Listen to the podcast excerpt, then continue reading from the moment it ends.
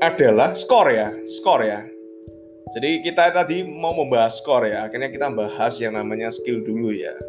Cara untuk master dengan 10.000 jam ya. Skor, gimana sih kita itu mengetahui skor bisnis kita sekarang ini, skor kita tahun ini itu gimana caranya? Ya. Kalau saya pribadi ya, kalau saya pribadi, saya akan cek ya, buku tabungan saya, saya akan cek saldo saya.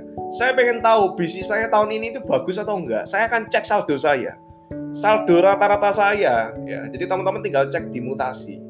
Nanti di mutasi itu kan kelihatan ya saldo rata-rata di bulan itu itu berapa. Nah, kalau misalnya saldo rata-rata di bulan ini lebih rendah daripada bulan lalu, berarti bisnis saya bulan ini lebih jelek daripada bulan lalu. Ya itu sangat itu cek yang sangat bagus ya. Bisnis itu kan banyak ya rumusnya untuk cek kan banyak ya. Cashnya berapa asetnya berapa closingnya berapa tim kita berapa omset kita berapa banyak variabel ya. Tapi kalau kita mau cek sekarang sekilas dengan cepat dan dengan akurat saya biasanya menggunakan itu ya. Saldo aja dicek ya. Kalau saldo rata-rata saya di bulan ini di atas bulan lalu berarti bisnis saya lebih baik daripada bulan lalu bagus good tapi kalau kita misalnya cek, ya teman-teman misalnya cek, ternyata saldo kita bulan ini lebih buruk daripada bulan lalu, berkurang. Berarti kita harus kerja ekstra keras ya di bulan ini. Kita harus kerja ekstra keras, something wrong. Berarti kita itu udah merupakan rambu-rambu awal ya, rambu-rambu awal. Oh, ini bahaya ya. Saldoku bulan ini rata-ratanya ternyata di bawah bulan lalu ya. Kita nggak lihat persentasenya berapa, pokoknya di bawah. Ya yang namanya bisnis itu harus ya tiap bulan itu harus berkembang. Tiap tahun itu harus tambah lama tambah maju tambah lama tambah besar tambah lama tambah tambah banyak ya. Tapi kalau stagnan stagnan aja itu berarti ada something sesuatu yang buruk ya. Sesuatu yang harus kita lakuin ekstra ya. Jadi itu rambu-rambu di awal ya supaya kita ini kita ini sensitif ya. Kita sensitif terhadap bisnis kita. Oh ini bahaya ini. Saya harus ekstra keras ya. Entah tingkat closingnya ditinggikan entah kita daftar nama kita ditambahkan, entah closing rate kita ditinggikan, atau mungkin ada skill yang harus kita pelajari, skill baru harus kita pelajari, entah kita harus ikut training baru, entah kita harus ikut workshop baru, entah kita harus belajar dari buku yang baru, apa pun itu. Pokoknya kita harus ekstra di bulan itu. Kalau misalnya ada penurunan ya di bulan itu ya. Jadi itu ya, itu itu skor yang bagus ya, skor yang bagus ya. Dan juga ini penting banget juga ya teman-teman. Kalau teman-teman lihat, wah saldoku ini bulan ini ternyata nambah banyak ya daripada bulan lalu ya. Itu juga bukan berarti teman-teman, wah ini bisa diambil. Nah, jangan ya, jangan ya. Harus bisa menahan kesenangan teman-teman ya, harus bisa menahan kesenangan. Itulah bedanya yang namanya mindset seorang pengusaha dengan mindset seorang profesional mindset seorang profesional tiap akhir bulan dapat yang namanya income, dapat yang namanya gaji, dapat yang namanya penghasilan itu harus dihabiskan atau sisiain cuma sedikit aja. Itu mindset profesional.